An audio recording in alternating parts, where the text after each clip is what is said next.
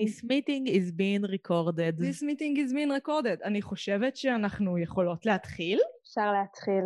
זה ממש נכנס לסגמנט הראשון שלנו. אה, דינה, אני לא בטוחה ששמת לב, אבל יש לנו את הסגמנט שנקרא קשקושי פתיחה. אה, גדול. ואין לנו שום אה, פרק שלא מתחיל בקשקושי הפתיחה, אה, אז זה עובד לנו טוב. זה גם תמיד אני מתחילה להקליט לפני שאני, או את, או גם האורחים יודעים שאני מתחילה להקליט. אז אה, בול. בול באזור. זה בסדר שהמיקרופון רועד? לא. אוקיי, אמ, אז נראה לי, מכיוון שזה live ראשון, ואנחנו גם קצת מכירות עכשיו פעם ראשונה, אולי נציג את עצמנו. כזה. אז אה, אני מגי, ואני אחת מהמנחות של מרשם לבינג', הפודקאסט הטלוויזיוני הגדול בראש שלנו בישראל.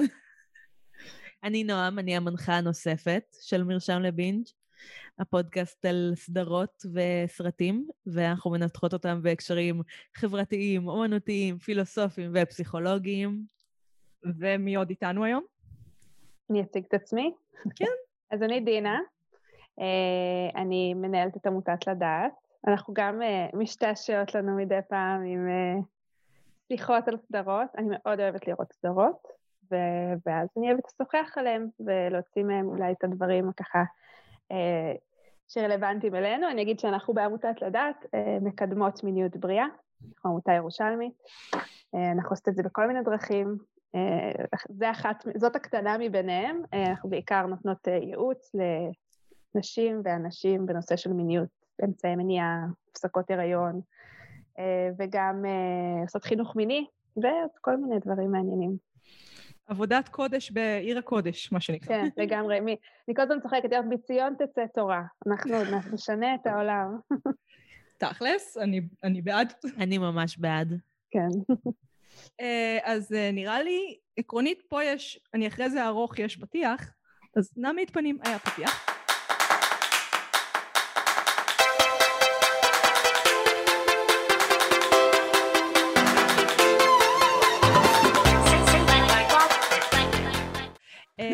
ועכשיו אנחנו עושות משהו קצת אכזרי, וזה מפילות עלייך המלצה.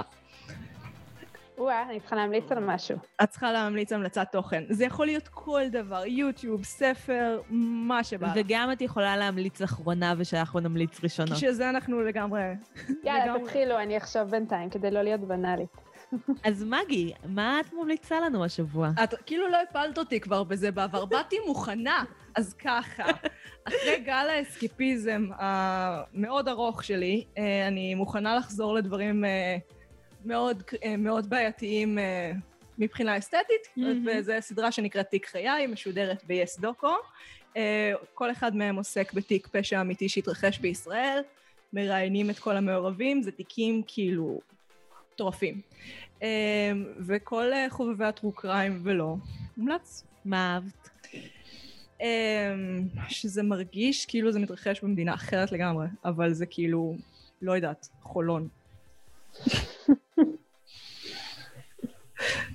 משהו מוזר.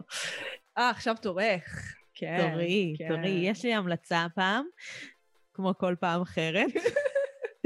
אה, אני חיפשתי, אני מצאתי ממש במקרה את הסרט הזה, זה סרט שנקרא Fyre עם Y, אה, הפסטיבל הגדול ביותר שהיה אמור לקרות, שזה סרט אה, דוקומנטרי שעוקב אחרי פסטיבל מוזיקה עם תוכנית מטורפת וביצוע מזעזע.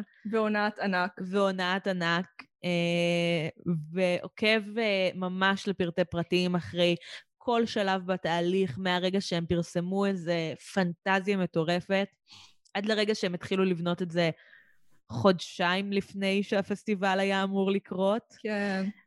אולי, במקרה הטוב, חודשיים, עד לרגע ש...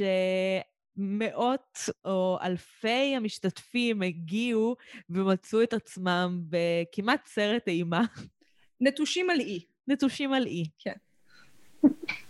והפסטיבל בוטל. ביום שבו כולם הגיעו אליו. שזה תמיד נחמד שמבטלים לך פסטיבל כשאת כבר שם. ואז צריך לזרוק עלייך מים. חייבת להגיד מסוקים. שהדבר הכי מטורף שהיה שם זה לראות את ההתנהלות של האנשים. הם כולה כמה שעות שם, כן? ממש מעט זמן, לא כזה נטושים על אי בודד חודשים, והם. מתנהגים בדיוק כמו בבעל זבוב, כאילו, אנשים גונבים מזרונים, אנשים גונבים נייר טואלט, אנשים משתינים על מזרונים כדי שלא יישנו לידם, כאילו, מה יש להם? מזרונים, הם אגרו מזרונים. זה, זה כאילו, איך אנשים יכולים להידרדר כל כך מהר להתנהלות הכי מזעזעת שקיימת? אני חושבת שייקח לי שלושה ימים של אפוקוליפסה לפני שאני אהיה אה, מו מהסימפסונס בסרט סימפסון עם הקונוס על הראש. אבל שלושה ימים, לא שלוש שעות. לא יודעת אם לא היה לי מים. היה להם מים. זרקו אני עליהם. חושבת שמים היה אחד הדברים שהיו שם זה דווקא. מים בכלל. היה אלכוהול, לא היה מים. נכון, אלכוהול זה מייבש. אלכוהול זה מייבש. ילדים לא לשתות. כן. אז אה, מה את אומרת? הצלחנו. קצת? אז אני לא רואה דברים כאלה מיוחדים ומגניבים כמוכם נראה לי.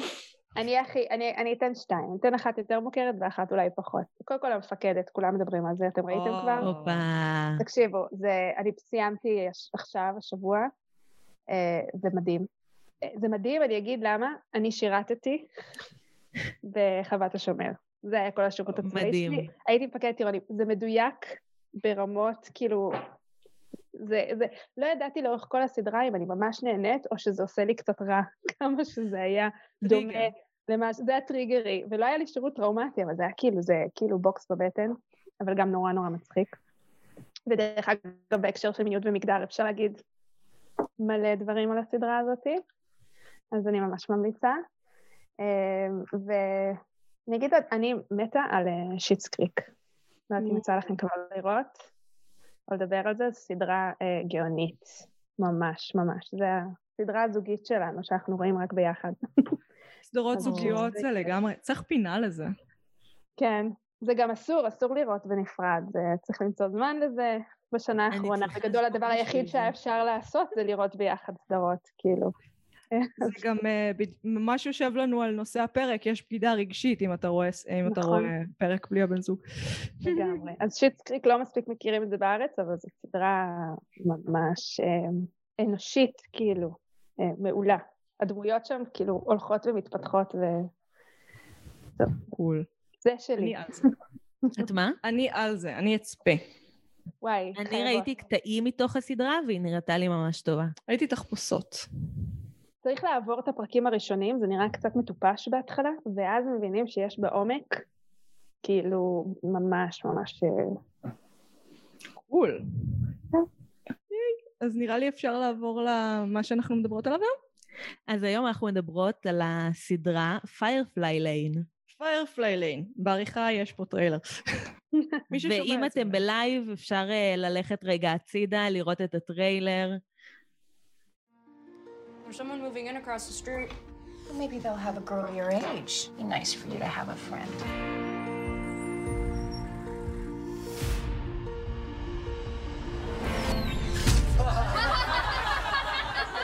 Boys are idiots. They became to everyone who knew them simply Tully and Kate. And for more than 30 years, that friendship was the bulkhead of their lives. Things are hard over at her house in ways that, well, you might not understand. I'm gonna be there for you, no matter what. When we grow up, we're gonna live together, and we're gonna be famous journalists. I'm a goddamn legend in the making. That's right, you are. You don't get it. You, you don't know what it's like to fail. I mean, you succeeded at everything you tried.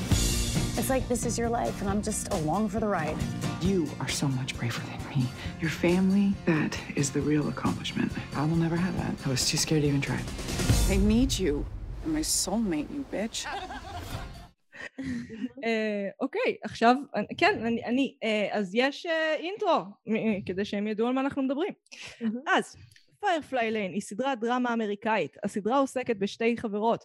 טולי, מנחת טלוויזיה, ספק הוללת, ספק סובלת מהפרעת אישיות גבולית ובעלת בעיות באינטימיות, וקייט, מפיקה שספק מרוצה מהנישואים שלה, ספק כבוגדת בבעלה רגשית. הסדרה סוקרת את חברותן לאורך מספר עשורים, במקביל, הסדרה קופצת בין ההיכרות של השתיים בשנות ה-70 כנערות לבין שנות האלפיים.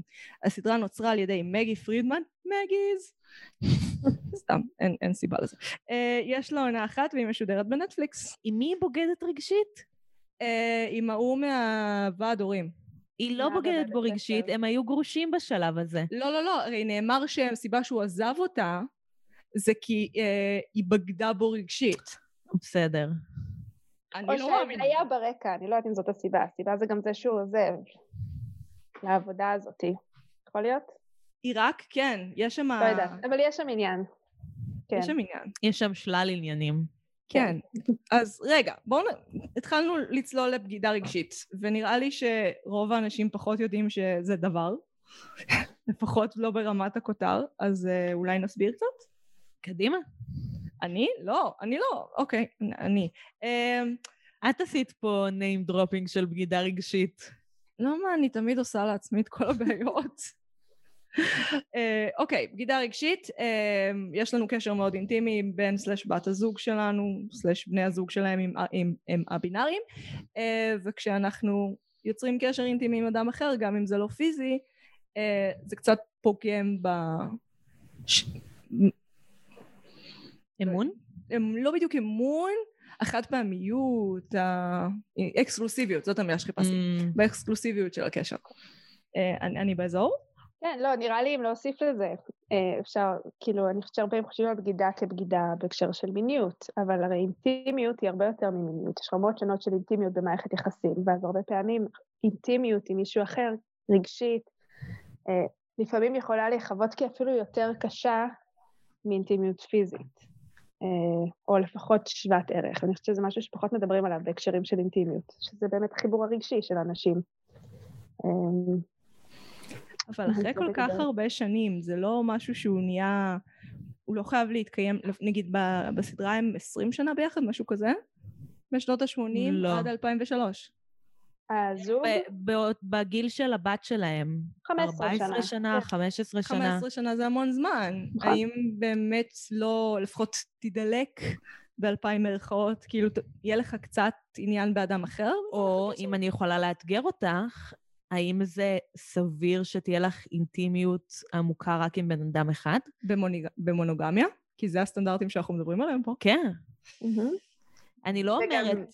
גם, אה, ה, גם הקשר שלו עם טולי, קשר רגשי אינטימי מאוד עמוק. למה זה נחשב בסדר שאם החברה הכי טובה שלה יכולה לשתף מחשבות אישיות שאולי לא משתפת אותו, אבל ברגע שמדובר בגבר אחר, אז זה, נראה בעי... זה נהיה בעייתי. אה, זאת שאלה מעולה, כי לדעתי הבגידה, אני מסכימה איתך, הבגידה הרגשית היא חד משמעית עם קייט. היא ממש מכניסה את קייט לזוגיות שלהם. טולי... אה, טולי, היא מכניסה טולי. את טולי לזוגיות שלהן. טולי קונה להם כלב בלי לשאול אותם. כלב זה החלטה זוגית רצינית. אם, לא אם. נדבר, אם כבר נעשה name dropping להפרעות, יש שם מערכת יחסים uh, תלותית, co-dependent רצינית מאוד בין שתי האנשים האלה. לגמרי. אני הייתי אומרת שיש שם איזה משהו יפה, שה soulmates שלהן זה אחת את השנייה. כאילו ה soulmates שלהן הוא לא הבני זוג שבאים והולכים, אח... הן אחת בשביל השנייה, א- איך כתבתי את זה? נפש תאומה. אה, ברומנס נשי. לא, לא. אבל זה זה, זה הכי ברומנס. זה סקראבס בבנות. אוקיי, סבבה, אבל אני, אני רוצה לתת לזה את הנפש תאומה לא צריך להיות משהו מיני. אני מסכימה איתך, אבל אני חושבת שיש פה... כן, זאת לא מערכת יחסים בריאה. אין, כאילו, כמות הדרמה בקשר הזה, אה, וכמות הבע... אה, הפעמים שהן מרגישות נבגדות, המעשים שהן מבצעות אחת בשנייה. טולי, כאילו, כמה פעמים היא התחילה עם גברים שהיא ידעה בוודאות שקייט מעוניינת בהם לאורך השנים? המון. וקייט כל פעם חזרה אליה. מה זה, מה זה עשה לביטחון העצמי של קייט? כאילו, זה יכול להיות, אני מסכימה שזה תלותי מאוד. כן. אבל למה, למה דווקא כן אהבת את זה? אני אוהבת את זה שיש אה, ייצוג שמערכת היחסים המשמעותית ביצירה היא מערכת יחסים של אה, חברות, ולא מערכת יחסים שהיא רומנטית או מינית. Uh, אני חושבת שזה קורה הרבה, כאילו אני מרגישה שיש לי קשרים כאלה עם חברות שלי, שהם קשרים של נפש תאומה שהם עוצמתיים יותר מכל זוגיות שתהיה לאחת מאיתנו. כן. וזה ריגש אותי לראות את זה, ראיתי את עצמי בנקודות מסוימות על המסך. מצד שני זה משהו שהוא מאוד חוויה של uh, צעירים נראה לי. כי אני חושבת שאם זה לא יהיה עם בן או בת או בני זוג, אז זה יהיה עם צאצא, או בן משפחה אחר. כאילו הבחירה דווקא בללכת על מערכת יחסים אפלטונית שהיא חברית, יש פה איזה משהו שהוא יותר מורכב בעיניי. כאילו שהוא לא טיפוסי אבל לאו דווקא, אני לא רוצה להגיד לא טוב, אבל ראיתי. אה, את יוצא לך מאוד, אה, לא יודעת, מונוגמי. מונוגמי? המשפט הזה, מצד אחד. אבל מונוגמי לא בקטע הרומנטי-מיני. כן. כאילו, יש, הייתי בוויכוחים כאלה עם כמה אנשים, יש מונוגמיה שהקשר הרומנטי אמור לספק לי את כל הצרכים החברתיים, הרגשיים, המיניים, הרומנטיים, ולא רק הרומנטיים והמיניים. ויש, לדעתי צריך לתת מקום לעוד אנשים בקשרים בחיים שהם החברתיים והרגשיים, היצירתיים, שלל של קשרים, אחרת זה המון משקל על בן אדם אחד. אני מסכימה איתך, אבל את בעצם מתחילה לדבר פה על פולי אמורה. לאו דווקא. כאילו להיות בזוגיות וגם להיות בקשרים משמעותיים ואינטימיים עם חברים. אני לא הייתי קוראת לזה פולי אמורה. Mm. מה את אומרת? אני, אני מסכימה עם נועם בגדול על זה שיש משהו, לא רוצה להגיד לא בריא, אני לא רוצה לדרג את זה, אבל יכול להיות משהו מאוד מורכב כשבן אדם אחד הוא הכל. כי אז זה, יוצר, זה גם יוצר תלות וזה יוצר בידוד הרבה פעמים. זאת אומרת, אנחנו רואות את זה במערכות יחסים פוגעניות, לדוגמה, שבן אדם הוא הכל והוא כל עולמך ואין לך עוד, את לא צריכה עוד אף אחד חוץ ממנו ואין שום כזה פתח לעולם החיצון. כאילו, אנחנו צריכים קשרים משמעותיים עם יותר מבן אדם אחד בחיים שלנו. אמ, וחברות זה דבר מאוד מאוד חשוב, וגם כל הקשרים שאת ציינת, בני משפחה, ילדים, כאילו כל מערכת יחסים יש לה את האופי שלה. ואפשר גם שבן הזוג יהיה, הנה, הבן זוג שלי המהמם הוא גם החבר הכי טוב שלי, אבל, אה, אבל זה לא אומר שאין לי עוד חברות, וזה לא אומר שיש דברים שכאילו, דברים שיוצאים החוצה לפעמים. אמ, אז נראה לי זה, זה, זאת נקודה חשובה. אני חושבת שאם אנחנו מסתכלות על המערכת היחסים של טולי וקייט, אפשר להגיד כל מיני דברים על, ה, על טיב כן. היחסים, על, אה, על החיוביות שלהם בחלקים מסוימים, אבל גם על כל הבעיות שיש איתם. השאלה אם ה... אני חושבת שמה שבעיניי הוא איפה שהבעייתיות מתרחשת, זה שבסופו של דבר, אפילו בפולי אמורה יש את המערכת יחסים המרכזית. לאו דווקא.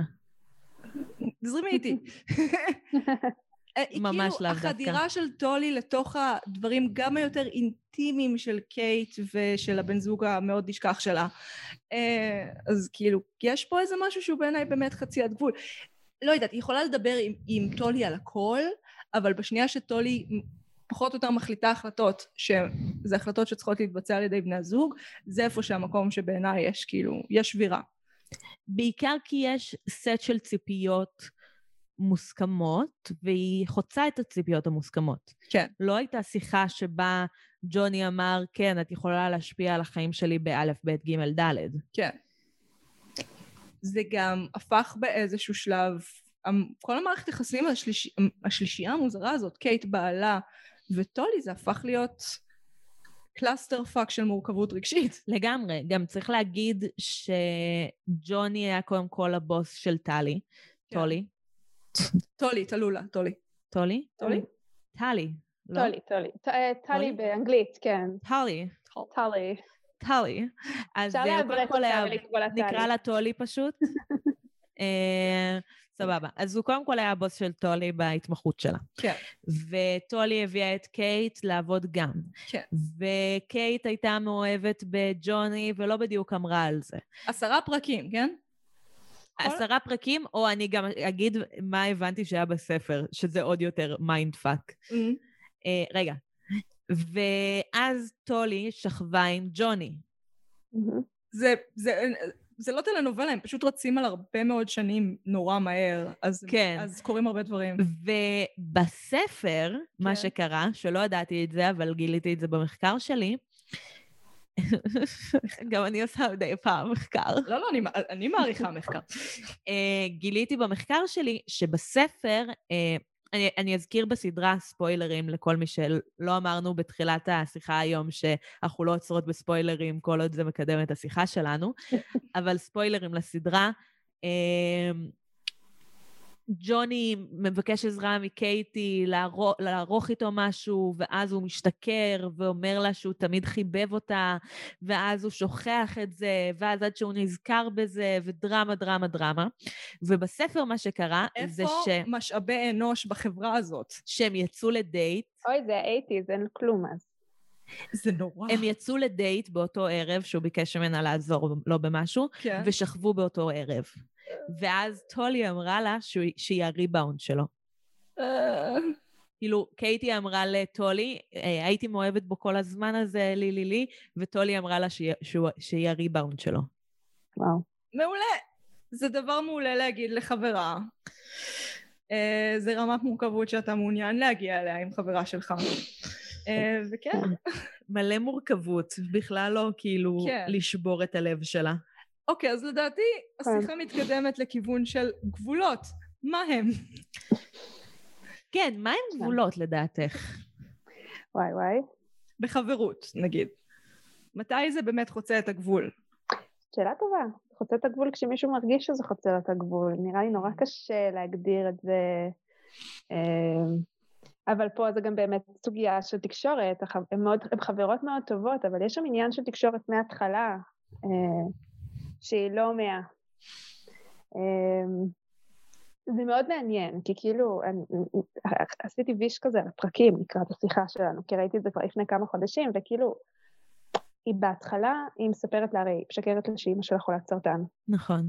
אבל מצד שני, היא חוזרת מהאירוע של האונס, ומיד מספרת. כאילו, לחברה הזאת, שהיא עוד לא ממש חברה שלה, הן לא כל כך מכירות, אבל כאילו יש פה רמות של חשיפה שהן מאוד לא מותאמות אה, במובנים מסוימים, ואני חושבת שזה משהו שמלווה אותה גם, גם הרבה ב... כאילו היא או לא, היא או משקרת סגורה, לא מספרת כלום, או שיש oversharing, כאילו. אה, זה מעניין, שזה... כי בתקשורת הרבה פעמים מדברים על, על לא לדבר מספיק, אבל יש גם לא לדבר במקום ובתזמון כן. הנכון. יש נכון. שאלה של, שאלה של טיימינג, זה חשוב. כאילו, יש משהו לא מותאם בלשתף משהו מאוד מאוד אישי, בצורה בלי גבולות. כאילו, אנחנו רואות את זה בקבוצות, נגיד, יודעת, מהקבוצה שנפגשת פעם ראשונה, ומישהי פתאום פותחת איזה משהו סופר אישי שלה, יש כאן משהו לא מוגן, יש פה משהו כאילו לא בהכרח... אה, אז לא יודעת, יכול להיות שדווקא פה זה לא דוגמה מושלמת לזה, כי בסוף כן יש כאן שתי בנות באותו גיל, והן חברות, והיא באמת נורא לבד בעולם. אבל, אה, אבל זה מעניין, זה לא הייצוג שאנחנו בדרך כלל מקבלות, נגיד, אחרי אירוע כזה. בדרך כלל הייצוג הוא של מישהי שנורא מסתגרת, יש לנו כל מיני דימויי מקלחת אחרי אונס, תמיד את הדברים האלה, ופה דווקא היא באה וישר מספרת את זה. אמ, אם הייתי כותבת ספר על אונס בקולנוע, הייתי קוראת לו דימויי מקלחת. כן. דימויי מקלחת? לא מכירה את זה שהן בוכות במקלחת? תמיד הן בוכות במקלחת, תמיד יש בכי במקלחת, תמיד יש משהו נורא מסתגר שזה גם, זו תגובה, הכל תגובות נורמליות, אבל אני כן. חושבת שכאילו גם טריגר, אנחנו נשים פה איזה טריגר, אבל, אה, אבל המערכת יחסים שלהם בעצם מתחילה ככה. נכון. זה הרגע שבו הן מתחילות להיות חברות. אמ, וזה קורה, זה כזה מ-0 ל-100. ונראה לי זה, זה מאוד היצריות של המערכת יחסים שלהם באופן כללי, משהו שהוא כאילו מצד אחד מאוד מתרחק ו- וחודרני, וכאילו, לא זה, זה, זה מערכת יחסים מאוד מעניינת. הן מאוד צריכות אחת את השנייה. כן. וזה ייצוג מעניין של חברות נשית, כי אני חושבת ש... הוא, הוא מעניין ועדיין קצת מעצבן ונופל בסטריאוטיפים, אני חייבת להגיד, כי כאילו, יש ביניהם עדיין את היריבות ואת המתח, והן רבות על אותו זה, כאילו הם נופלים פה לסטריאוטיפים של אופרת סבון שזה מבאס. כאילו כבר התחלנו לראות דימויים אחרים לחברות נשית שהיא לא מלווה באינטריגות, אבל מצד שני גם יש כאן משהו שהוא מאוד מפרגן, מאוד אוהב, כאילו יש שם את הסצנה הנהדרת כשהיא מקבלת מחזור בבית ספר. קייט. בכלל דימויים, אפשר לדבר על דימויים. של וסת, יש פה כמה דימויים של וסת שמלווים אותנו לאורך הסדרה שממש רואים דם. וסטיתי בנושא הגבולות, אבל כאילו יש כאן משהו שהוא כן מאוד מפרגן, ואיזה אחווה, כאילו יש, זה באמת מערכת יחסים מורכבת. היא לא רק מתוקה, והיא לא רק אה, אה, תככנית כזאתי. היא קצת, כאילו, אני מסכימה איתך לגמרי לגבי הסטריאוטיפים, כי מה שהפריע לי, מה שמנע ממני לראות את הסדרה המון זמן, זה התחושה שלי שלא הפסיקה לאורך הסדרה שמדובר בקומדיה רומנטית רצינית. פשוט הרומנטיקה היא ביניהן. אה, והאובר, אני חושבת שיש פה ייצוג יחסית מהימן של חברות ארוכת שנים עם, כש, עם מישהי שהכרת בגיל צעיר, זאת אומרת באיזשהו מקום החברות שלהם לא באמת מתבגרת. הן מתבגרות, יותר טוב פחות טוב, אבל החברות שלהם נשארת במקום המורכב הזה של אה, נערות. היי אינדיקה. והתפקידים שלהם נשארים אותו דבר, דרך אגב. כאילו מההתחלה, טולי הדרמטית וקייטי התומכת. נכון. והיא כאילו מין הולכת אחריה ומבטלת את עצמה בפניה, אה, קצת נגררת אחריה. אה, ונראה שקייט, לוק... אה, אמרנו שנדבר על, על תפקידים מגדריים, קייט לוקחת תפקיד מגדרי של קרטייקר, מאוד מאוד חזק. כאילו גם בבית היא לא עובדת, היא מין... היא מש... למה אם ילדה בת 14 צריך להיות uh, stay at home mom? אני לא יודעת, זה מאוד אמריקאי. זו בחירה מאוד מוזרה. זה מאוד מאוד אמריקאי, נכון. היא פשוט הייתה, היא פשוט יכלה. כאילו, ג'וני הכניס מספיק, זה נכון. נראה כאילו ג'וני היא לא הכניס מספיק כסף. רצתה, היא ממש נאבקה על זה, ואת ראית שהיא פשוט הרפתה מאיזשהו שלב. זה לא קשור לכסף, זה קשור לעובדה שהיא ממש רצתה לעבוד בעיתונות, היא ממש רוצה את זה, היא צריכה את זה. כן, זה לא- או בכתיבה יותר נכון, בכתיבה יוצרת, אבל היא מגיעה לעיתונאות בגלל, בגלל אה, טולי. וזה זה גם, אני לא זוכרת, לא ראיתי את החיבור, אולי תזכירו לי, אבל אני זוכרת שראיתי אותה, כאילו יש את הסצנה שהיא בחדר לידה והיא מתעצבנת, או בהיריון, או כאילו סביב ההיריון, מתעצבנת על כאילו ייצוגים מגדריים, ולמה אני צריכה להפסיק לעבוד, ולמה לא שואלים אף אחד אחר את זה, אבל אז היא, היא לחלוטין מגשימה את הסטריאוטיפ. מה קרה שם בדרך. והיא גם, היא גם משלמת על זה, זאת אומרת, אנחנו רואים את זה בראיון עבודה, כן, אינדיקה ממש נותנת פה עבודה. Uh, בראיון עבודה, יש לה uh, פער של 12 שנה, שהיא לא עבדה בהם, שזה המחיר האמיתי של להישאר בבית, הרווח הזה בקורות חיים, ה-12 שנה שהיא לא התקדמה, וזה מרגיש, זה באמת, מה שכל כך שובר לב בזה, זה שזה לא מישהי שרצתה להיות שם. וזה לא כן. ב-50's, וזה לא, אין, זה ב-2003, אין שום היגיון בסיטואציה, ואני לא מרגישה שזה נהיה לי היגיון. למרות שזה זה לא כל כך השיחה, אבל ביחס למה שאת אומרת על הרווח בקורות חיים, בסופו של דבר נשים, הרבה נשים, אבל כאילו הנשים שבוחרות להישאר בבית ולגדל ילדים, הן לא עובדות פחות כן. בתקופה הזאת. והן לא אה, מפתחות פחות כישורים מכל בן אדם אחר שעובד נכון. בעבודה במשרה מלאה. נכון. וזה פשוט עבודה שלא מקבלת שום קרדיט. ו... ולא נגמרת אף פעם. ולא נגמרת אף פעם, ואין uh, ימי חופשה אף פעם, וזה זה, דו, זה דבר בפני עצמו, כן. כאילו הרווח הזה בקורות חיים. זה לא שהיא במשך 12 שנה הייתה בחופשה, או גרה על מאדים, לא יודעת, משהו מנותק מהמציאות. כן. היא עבדה יום-יום. יש משהו אבל בבחירה הזאת, הוא גם לא, לא הרגשתי שהוא הכריח אותה יותר מדי, כאילו, בסופו של דבר, בימינו, בשנות האלפיים, אישה שנשארת בבית, זה אישה, אה, לפחות במשפחות, את יודעת, אה, מבוססות כלכלית, זה כי היא רוצה. כן. זה בקטע פמיניסטי לגמרי. היא רוצה להיות בבית, היא רוצה לגדל את הילדים, היא תופסת את זה כעבודה שמעניינת אותה. לגדל את הילדים שלה, אמרת בעצמך, עבודה לכל דבר. זה בסדר. כן, אבל- לגמרי. אבל קייט לא ככה, וזה כל כך צורם. היי.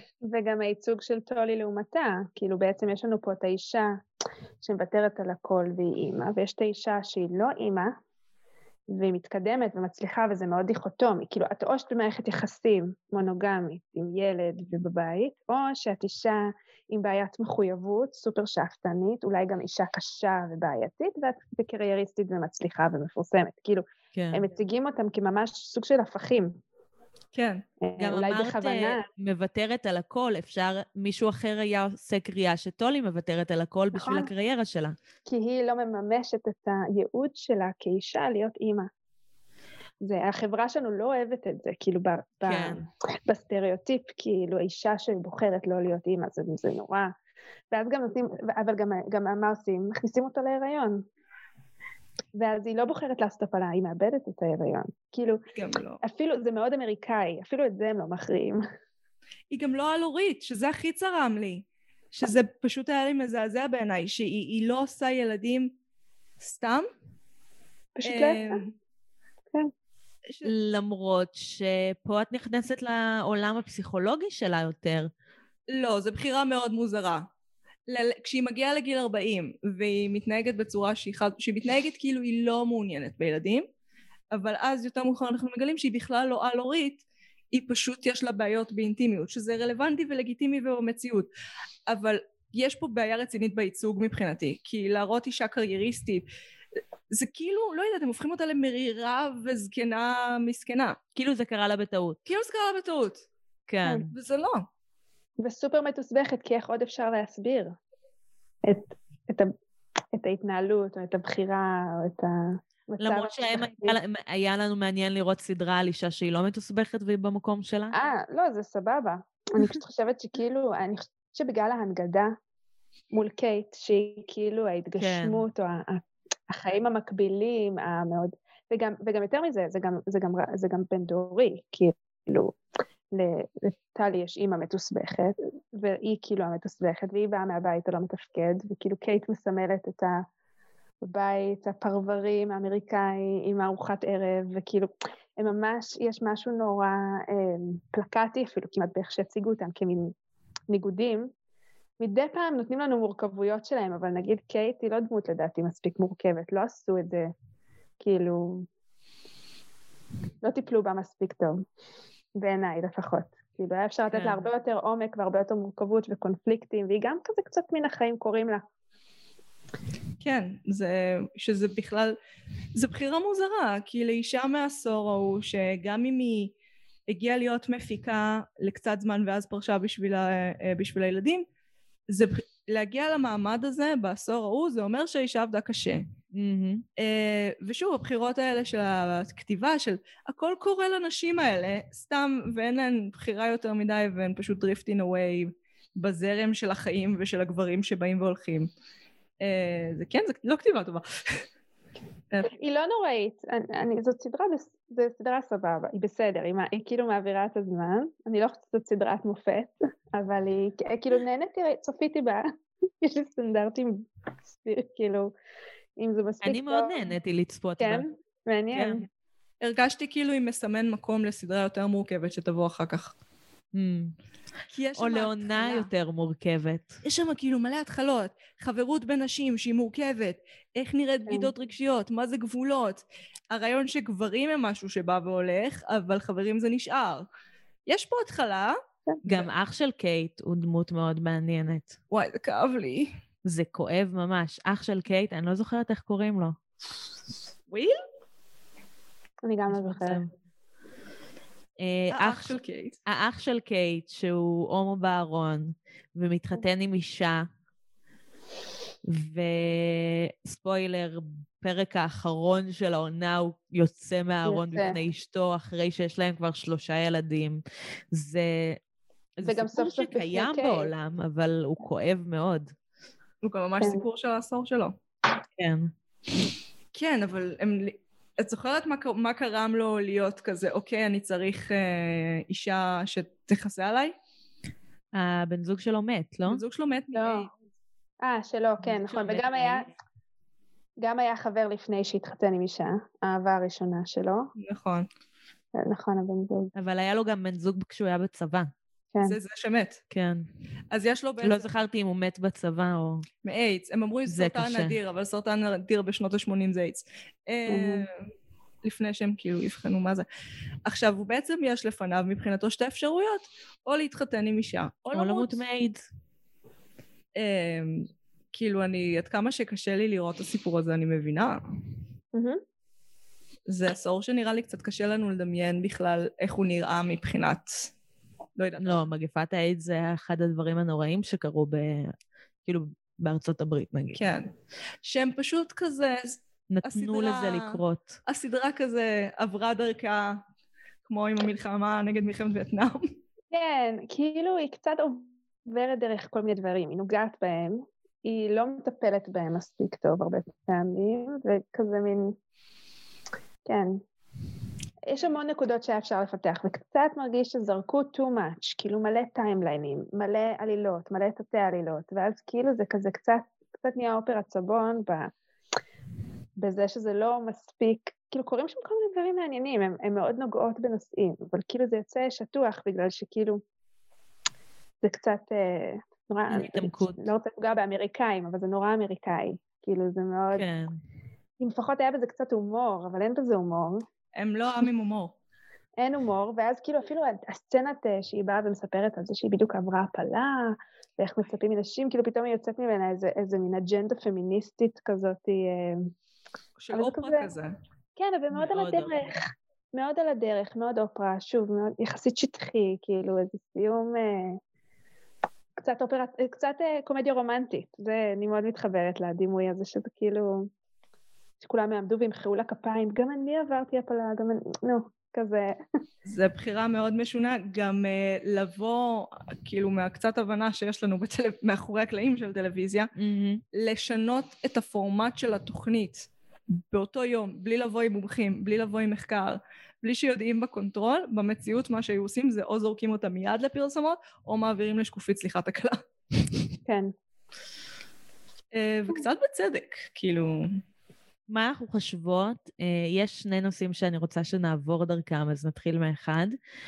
אה, יש את הסיפור של הבוס המטריד, כן. אה, שגם זה לא הדבר הכי מועמק, ו... אבל בכל זאת צוללים לזה פעמיים, גם בעבר וגם בהווה שלה. מהמם. כמה זה גרם, כאילו, נראה לכם אה, מחובר למציאות, מייצג? אה, יש לנו גם, זה מתחיל מההצעה המגונה, בתחילת הקריירה שלה בשנות ה-80, ואז אותו אדם, כאשר היא אומרת לו לא, אני לא אשכב איתך בתמורה לקידום, הוא רוכש את התוכנית שלה הרבה מאוד שנים אחרי, ופשוט אה, עושה לה את המוות, שזה כבר סחיטה מינית. אה, שזה לא טוב, לא היה כיף פה אז, אה, ומצד שני זה מאוד ארווי ויינסטיין, לא? אני בטוחה שזה מייצג הרבה ממה שקורה בתעשייה, ובכלל. כן. אה, אני חושבת שהכוח שלה לעמוד מולו, זה כנראה מה שלא קורה רוב הפעמים. כאילו, בסוף היא כן. כן איזושהי דמות חזקה. אה, גם עם טראומה ברקע שלה, זאת אומרת, העובדה שהיא לא קופאת, שהיא כן מתנגדת, שהיא כן אה, אה, מוותרת על קידום, כאילו יש פה אה, מהלכים מאוד נועזים, שהם הם לא המיינסטרים הרבה פעמים במקרים האלה, אני לא יודעת, יכול להיות שזה, אפשר, אפשר להסתכל על זה לטוב ולרע, אפשר להגיד שזה ייצוג נהדר של יכולת התנהגות אחרת, ואפשר להציג את זה כמין אה, משהו מנותק, פנטזיה לא מושגת, איזשהו, איזושהי אה, אה, סטנדרט שאנחנו, שמאוד קשה לנשים לעמוד בו בסיטואציה כזאת, כאילו אפשר להסתכל על זה מהרבה מובנים, אבל, אה, אבל אני חושבת שזה זה חשוב מאוד להציף את זה, כאילו, בוא נגיד שאם זאת הייתה, אני מצטערת, אני קצת עושה דיס לסדרה. אה, אני לא רוצה, לא, אני... לא, אנחנו, זה בול הפודקאסט לזה. אוקיי, אז אני כאן חושבת... אנחנו כאילו לא מתביישות ללכלך, גם- גם הסדרות שאהבנו, אנחנו נלכלך. כן, אני גם, אני אוהבת את הסדרה הזאת, כן?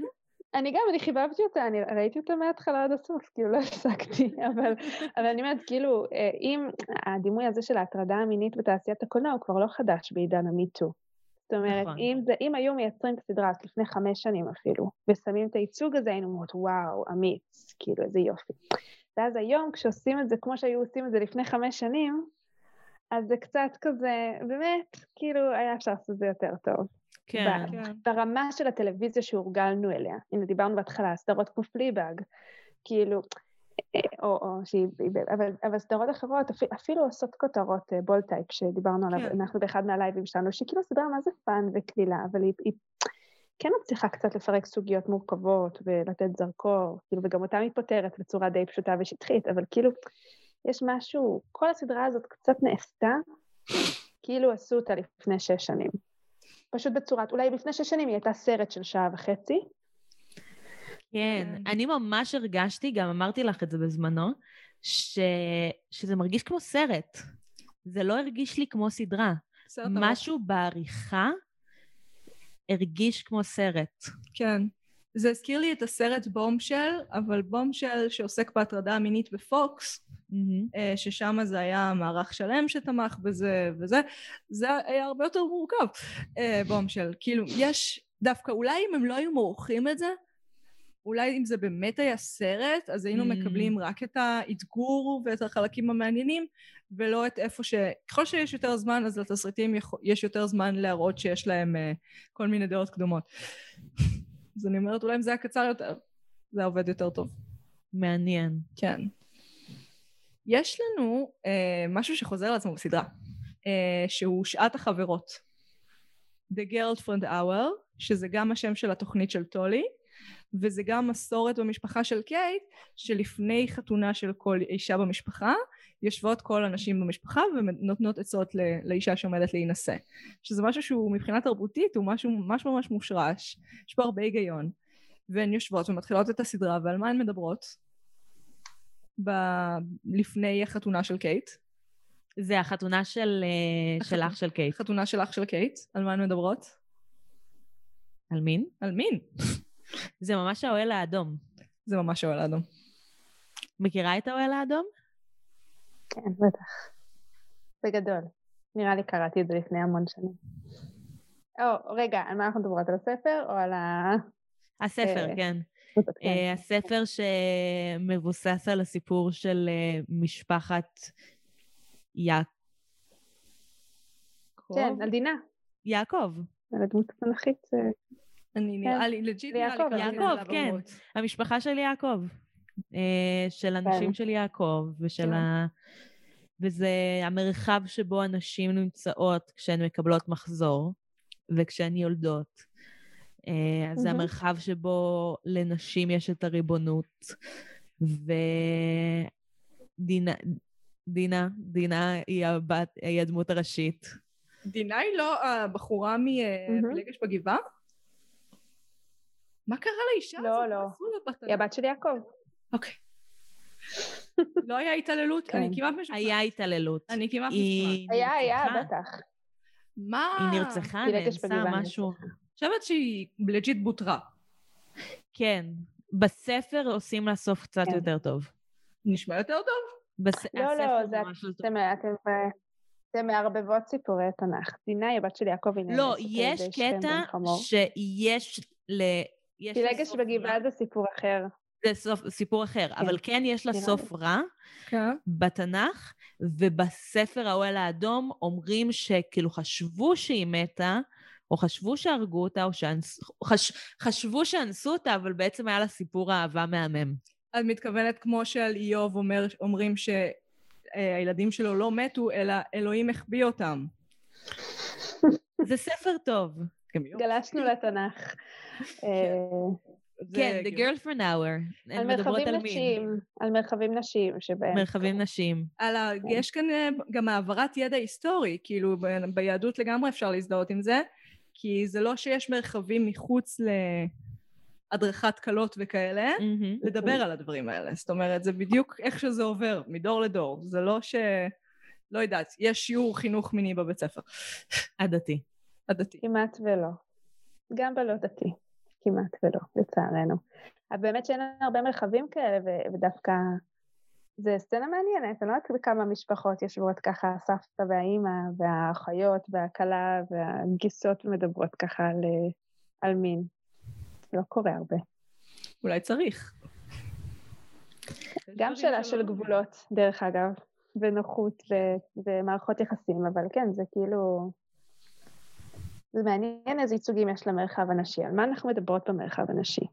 אנחנו מדברות על מין ועל מחזור ועל ילדים. האם אנחנו מדברות על פוליטיקה? האם אנחנו מדברות על... אה, או על אופנה, על אופנה. הכל פוליטי. בדיוק, אבל סטריאוטיפים נשיים מאוד מכניסים מי שכותב על נשים למרחבים נשיים. למרות שיכול להיות שיש גם נושאים אחרים. אולי נשאל את עצמנו מה אנחנו היינו רוצות לדבר במרחבים הנשיים שלנו.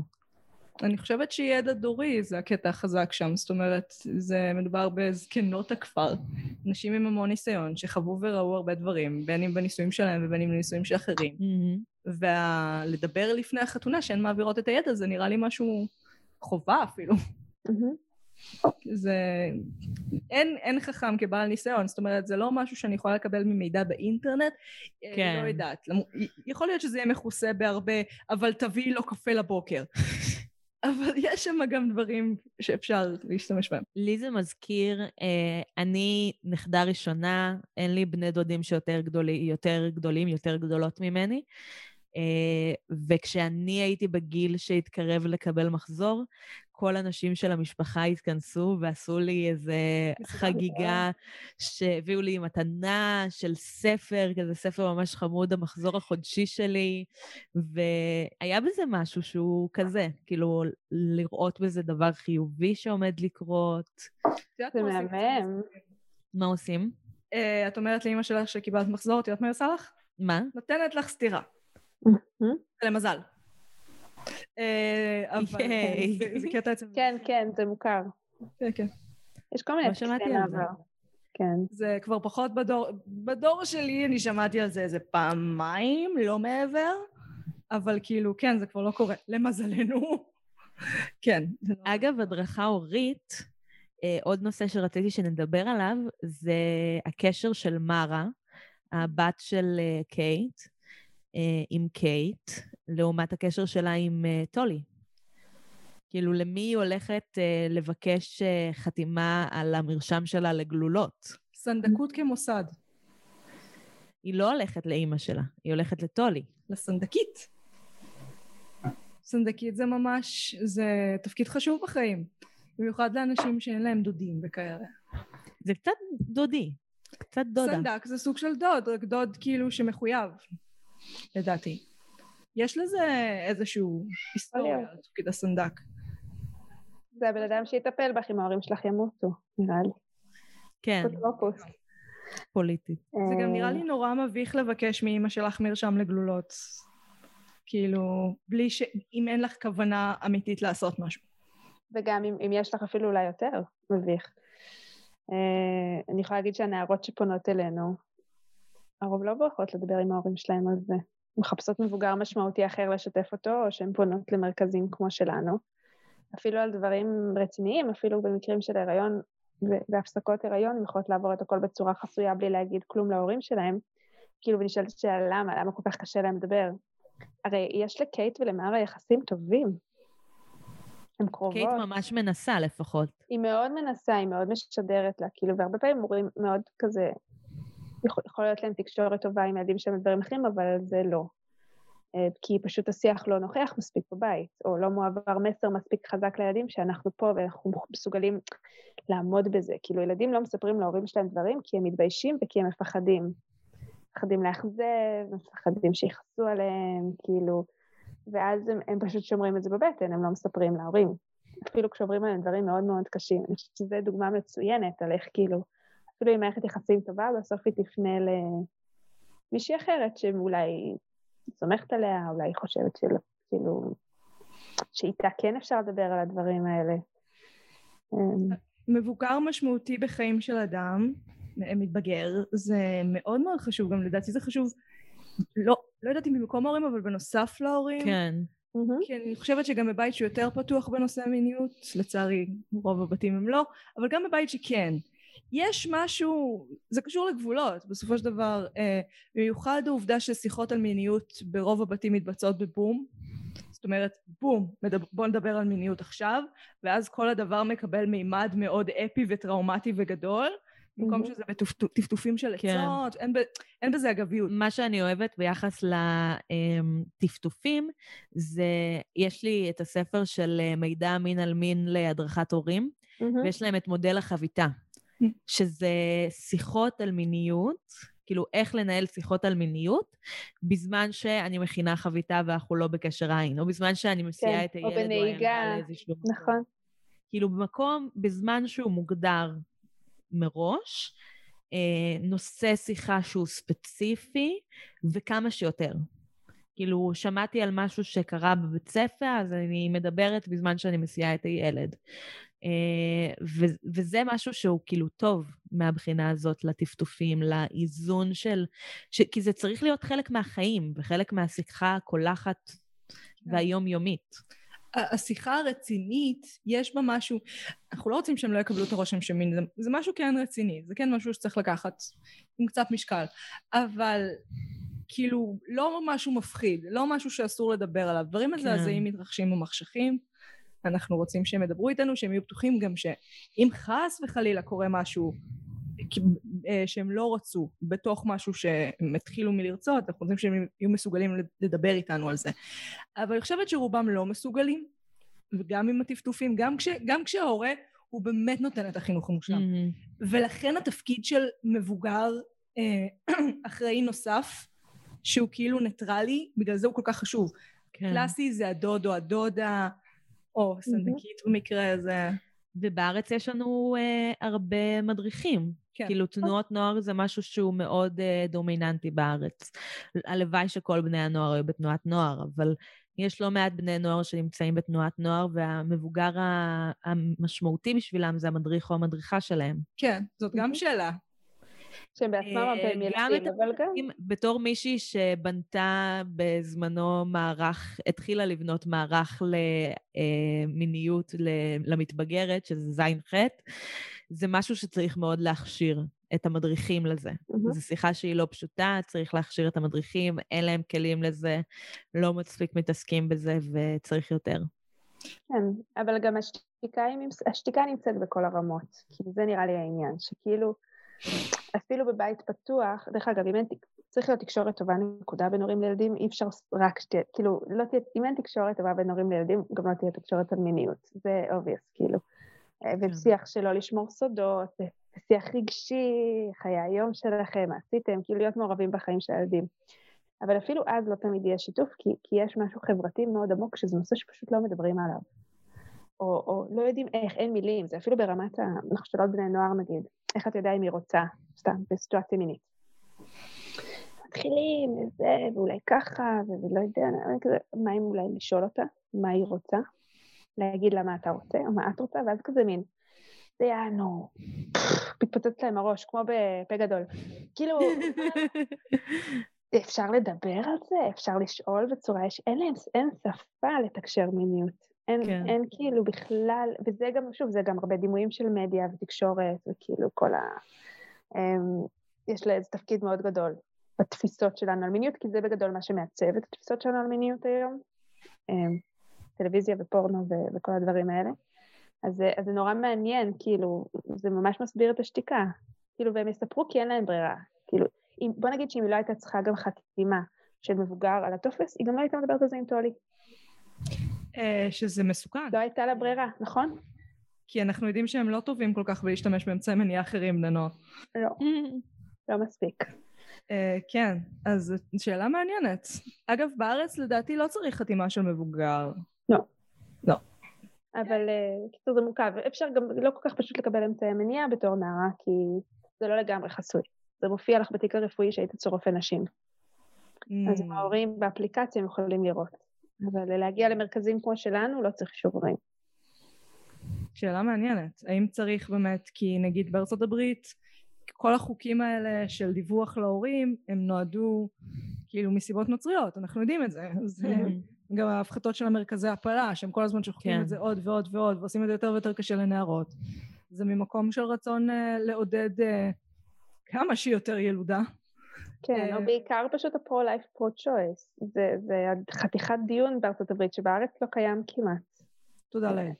כן. למרות שיש ועדת יש את הפלות. אפרת. יש ועדה, לא, יש ועדה ויש ארגונים יש את שפועלים, כל אבל... הפרסומות המזעזעות. כן, כן, אבל זאת לא סוגיה פוליטית מהותית, היא, היא לצערי אולי הולכת לכיוון הזה, אנחנו מסתכלות על חברינו, סמוטריץ' ומפלגת נועם וכל מיני כאלה, אבל כן. נכון לעכשיו, בשנים האחרונות, זאת לא סוגיה מהותית כמו בארצות הברית, של pro-life ו pro-choice. הרי בארצות הברית שני דברים שמבדילים אותך, יש את האם אתה pro-life pro-choice, ואם אתה בעד נשק או נגד נשק, כאילו, זה... אצלנו זה לא איזה סוגיית יסוד הסיפור הזה של הפסקות הריון. אנחנו כן חברה שהיא מאוד מעודדת ילודה. אנחנו מאוד, בטירוף, כאילו, מעודדי ילודה וטיפולי פוריות ולננה, כאילו, ואין מספיק, אה, לא סבסוד ולא שיח על אמצעי מניעה. אמ, ויש ועדה להפסקת הריון, אבל היא כן הרבה יותר נגישה מאשר נגיד בארצות הברית, ששם זה חוקי. כן, גם לדעת. רמת הנגישות היא מאוד נמוכה. דרך אגב, הנה, אם חוזרות לפיירפליי ליין, אם הם, היו, אם הם היו מכניסים את טולי להיריון והיא לא הייתה מקבלת לחזור בתור נערה, זה היה יכול להיות מאוד מעניין. או, oh, וואו, wow, mm. כן. הם גם באזור יחסית מבודד. כאילו זה, זה כל...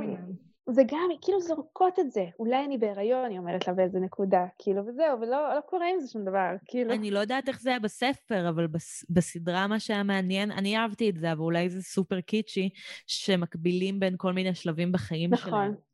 כאילו, היא לא נכנסת להיריון כנערה, אבל אז באותו פרק היא נכנסת להיריון כמבוגרת. נכון, כן. ויש פרק שהוא כולו על אימהות, ויש פרק שהוא כולו על וסת. יש בה הרבה כזה אזכורים של וסת. אה, כן, לא, זה, הוא, יש פה, יש, יש שם דברים, יש שם דברים טובים, רואים שהושקעה מחשבה. זה התחלה, כאן יהיה פרק כאן יהיה פמיניזם. כן, יש את השדרה, כאילו, ויש את הטיימליינס, ויש, זה פשוט כאילו, הביצוע הוא לא, כאילו, הוא לא, הוא לא ברמה שהתרגלנו אליה, אני חושבת, עכשיו בטלוויזיה. אבל כן. בסך הכל יש שם כמה תאמות שהן מאוד מאוד מוצלחות, כאילו... לדעתי אבל כן סדרה ששווה צפייה, mm-hmm. בעיקר בגלל שהיא קל ממש לעבור בין פרקים, mm-hmm. והיא כן מעלה מחשבות מעניינות, אם כי שטוחות, אבל עדיין אפשר, אתה יכול לנהל שיחה. אני חושבת שהיא מאוד מהנה ומסקרנת, ואני רציתי להמשיך לראות אותה כל הזמן. אני עדיין סקרנית לדעת למה הם בנתק.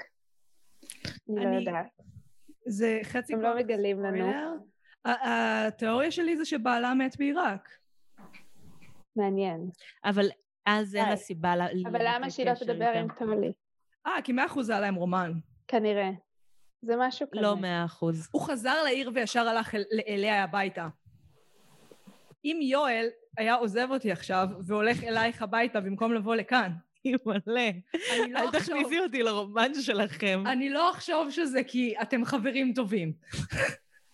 גדול. זה מעניין, כאילו, כן, יש בניית מתח שם, זה לא... למרות שנטפליקס עדיין לא אישרו שתהיה עונה שנייה, אז יכול להיות שלא נזכה לדעת. אולי לעולם לא נדע מה קרה ביניהם. תמיד לא... אפשר ללכת לקרוא את הספר המקורי. אני, עם כן. כל הכבוד, קייטרין הייגל ושרה צ'וק, או איך שלא אומרים את השם שלה, במיוחד קייטרין הייגל, אני לא מאמינה שהייתה חותמת על חוזה אם לא מבטיחים לה לפחות עוד שתי עונות. כן, אני חושבת שהיא גם המפיקה או משהו של הסדרה. אז קדימה, קטרין הייגל. תהיה, תהיה עוד. עשי לה עבודה. תהיה עוד עונה. כן. אני רוצה לדעת מה קרה שם ביחסים ביניכם, ואני רוצה שתפתרו את זה. כן, מה היה כל כך נורא, שאחרי כל הבגידות הקטנות בדרך, הקטנות כן. בדרך, כל הדברים, כאילו למה עכשיו יש נתק כל כך כל כך רציני, זה כאילו, זה באמת מעניין לגלות. אנחנו לדעתי נגלה בעונה הבאה. לדעתי תהיה עונה הבאה. אני מקווה. כן. Um, לדעתי סיימנו את הסדרה. כן. כן? לגמרי. תמיד אפשר, אפשר לדבר שעות על הדברים האלה. אבל... זה גם נכון. אבל גם אנחנו במרק של השעה, כן. שזה תמיד בריא לסיים בשעה. זה נכון. זה בדיוק נסיעה אה, הביתה באזור מרכז בפקקים. מאיפה לאיפה? מרכז למרכז. מרכז למרכז. לצנטרום לצנטרום. אז ממי ניפרד היום? אה, ממי ניפרד? אולי חברות טובות? אולי ניפרד מסרטי בנות. אני רוצה להיפרד מאלה בפרק הזה. אני רוצה להקדיש את הפרק הזה לאלה. מחברות טובות, אוקיי. לי אין חברים חוץ ממך. את יכולה להקדיש לי את הפרק הזה. הפרק מוקדש לך. אני מקדישה את הפרק לאלה, חברתי הטובה ביותר שגרה בבאר שבע. דש. אה, רוצה גם? אני מקדישה את הפרק לעמותת לדעת. זאת עמותה מהממת. זה כאילו בקטע טוב להקדיש, נכון? כן, ברור. אני חושבת שאנחנו מבשלות מלא הפתעות. כל מיני עיצוב חדש שעומד לצאת בקרוב, קמפיין גיוס המונים שהולך להתחיל בקרוב, שווה, שווה לעקוב אחרינו. אנחנו נעקוב. נעקוב. חבר'ה, לעשות לייק לעמוד של הדעת. ותדעו. תדעו לבחור נכון. תדעו, תלמדו ותדעו. וזכותכם לדעת. שלהם, מלא תכנים טובים, הרצאות, עניינים, באמת, והן עושות עבודת קודש. בארץ הקודש. בעיר הקודש. קודש. אמן. אה, עכשיו אנחנו צריכות לגלות איך יורדים מלייב, שזה יותר מסובך. אה, וואו, כן. עכשיו זה הפספוסים. עכשיו זה הפספוסים. רגע, רגע, אני חוזרת לפה ואני עושה... אף פעם לא עשיתי את זה. נראה לי אולי אם אני מכבה את הזום זה פשוט מפסיק. אז נגיד ביי, ונראה אם זה קורה. יאללה, ביי. לילה טוב לכולם. לילה טוב.